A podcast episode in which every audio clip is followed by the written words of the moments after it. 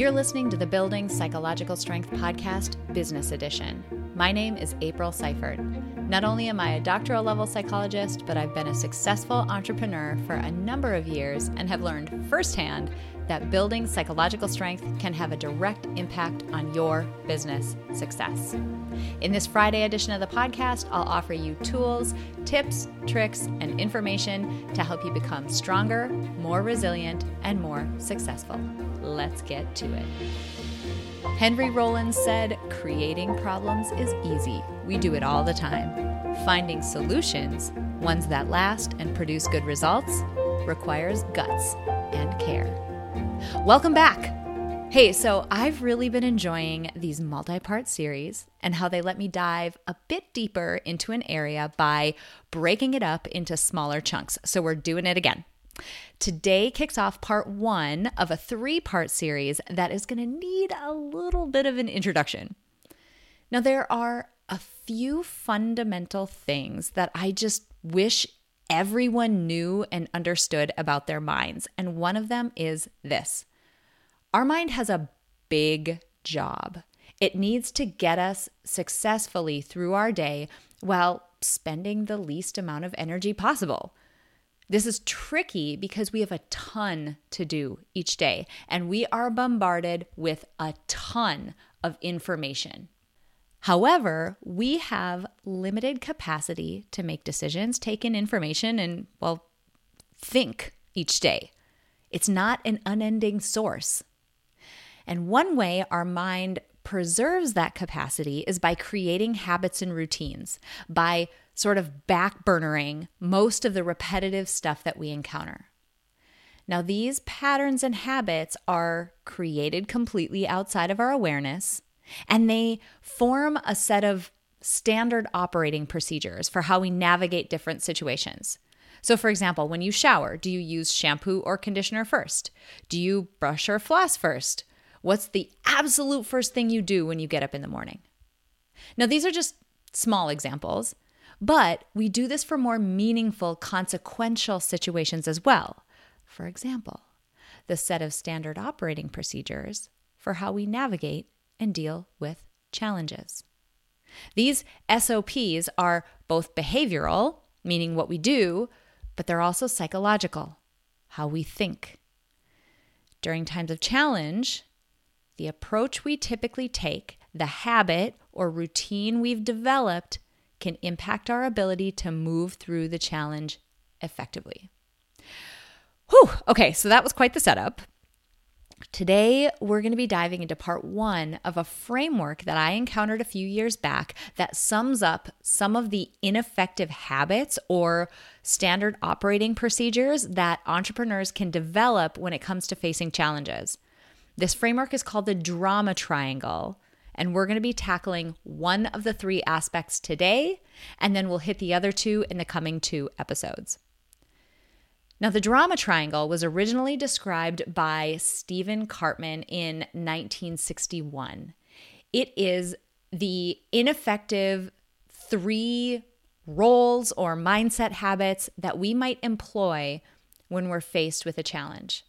So, over the next three episodes, we're going to dive into each of the three and in each case, we're talking about a role or a mindset habit that we adopt that's ineffective in dealing with a challenge. It's one that's problem focused rather than solution focused. It's a passive stance rather than an active stance. Now, before we dive in, we have the opportunity to really examine this in ourselves. I would encourage you to think about how you handled the last year during the pandemic. I mean, talk about a challenge, right?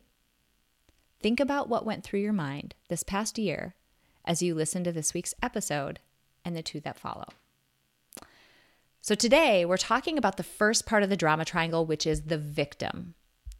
When we step into the mindset or the role of the victim, we see as life happening to us. We see life as happening to us.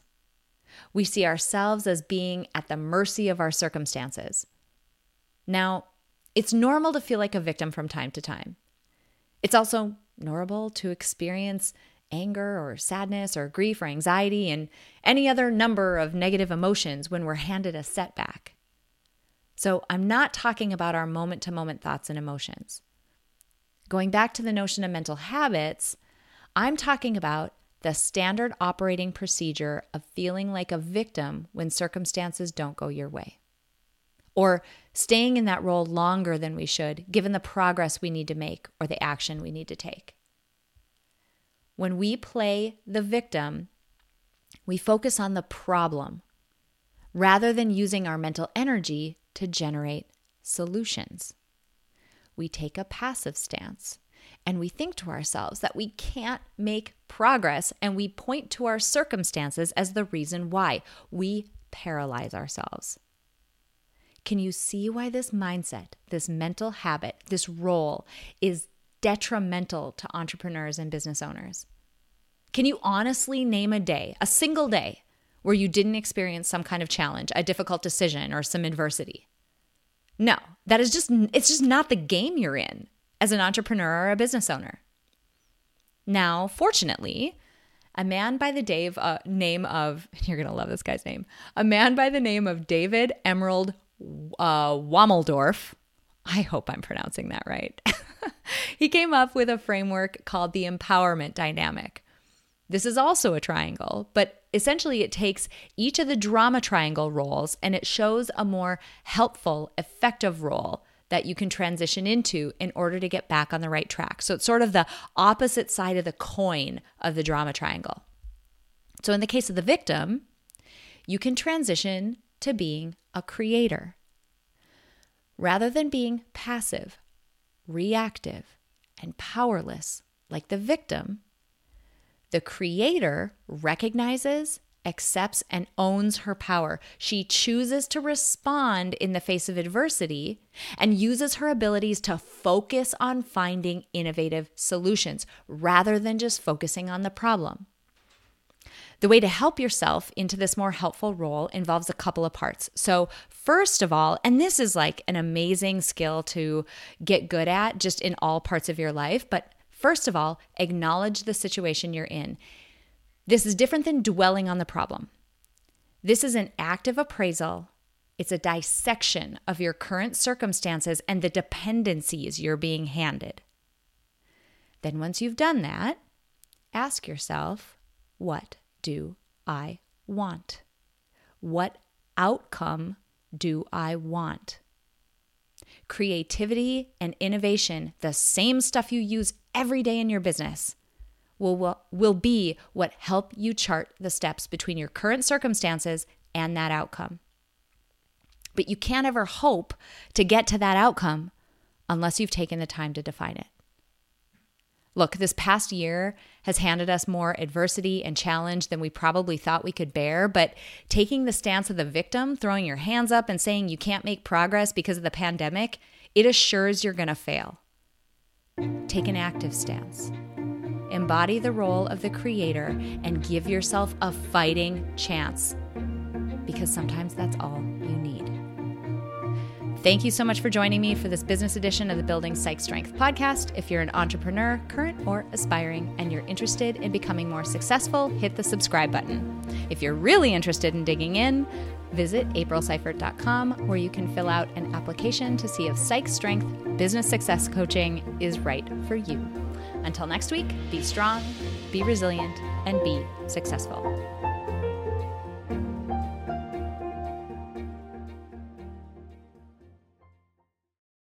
At Parker, our purpose is simple. We want to make the world a better place by working more efficiently, by using more sustainable practices, by developing better technologies. We keep moving forward. With each new idea, innovation, and partnership, we're one step closer to fulfilling our purpose every single day. To find out more, visit parker.com/purpose. Parker, engineering your success. As humans, we're naturally driven by the search for better. But when it comes to hiring, the best way to search for a candidate isn't to search at all. Don't search, match with Indeed. When I was looking to hire someone, it was so slow and overwhelming. I wish I had used Indeed. If you need to hire, you need Indeed. Indeed is your matching and hiring platform with over 350 million global monthly visitors, according to Indeed data, and a matching engine that helps you find quality candidates fast. Ditch the busy work. Use Indeed for scheduling, screening, and messaging so you can connect with candidates faster. And Indeed doesn't just help you hire faster. 93% of employers agree Indeed delivers the highest quality matches compared to other job sites according to a recent Indeed survey. And listeners of this show will get a $75 sponsored job credit to get your jobs more visibility at Indeed.com slash podcast. That's Indeed.com slash podcast. Terms and conditions apply.